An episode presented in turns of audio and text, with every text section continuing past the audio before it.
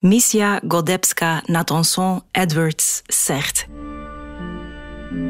Een naam die nu zo goed als vergeten is. Maar deze vrouw inspireerde enkele van de grootste meesterwerken van de vroege 20e eeuw. Missia was een muze, maar ook de motor en de mecenas van de avant-garde kunst in Parijs. Haar vrienden waren Toulouse-Lautrec en Cocteau, Chanel, Stravinsky, Proust en Ravel. Missia werd bezongen, beschreven en geschilderd. En als personage opgevoerd in toneelstukken. Ze inspireerde, verbond en verdeelde.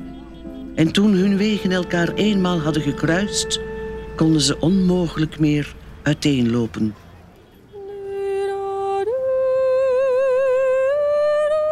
Haar memoires zijn zo decadent en extravagant dat ik soms nauwelijks kan geloven dat het allemaal echt gebeurd is. Het is wel echt helemaal anders dan ik me had voorgesteld.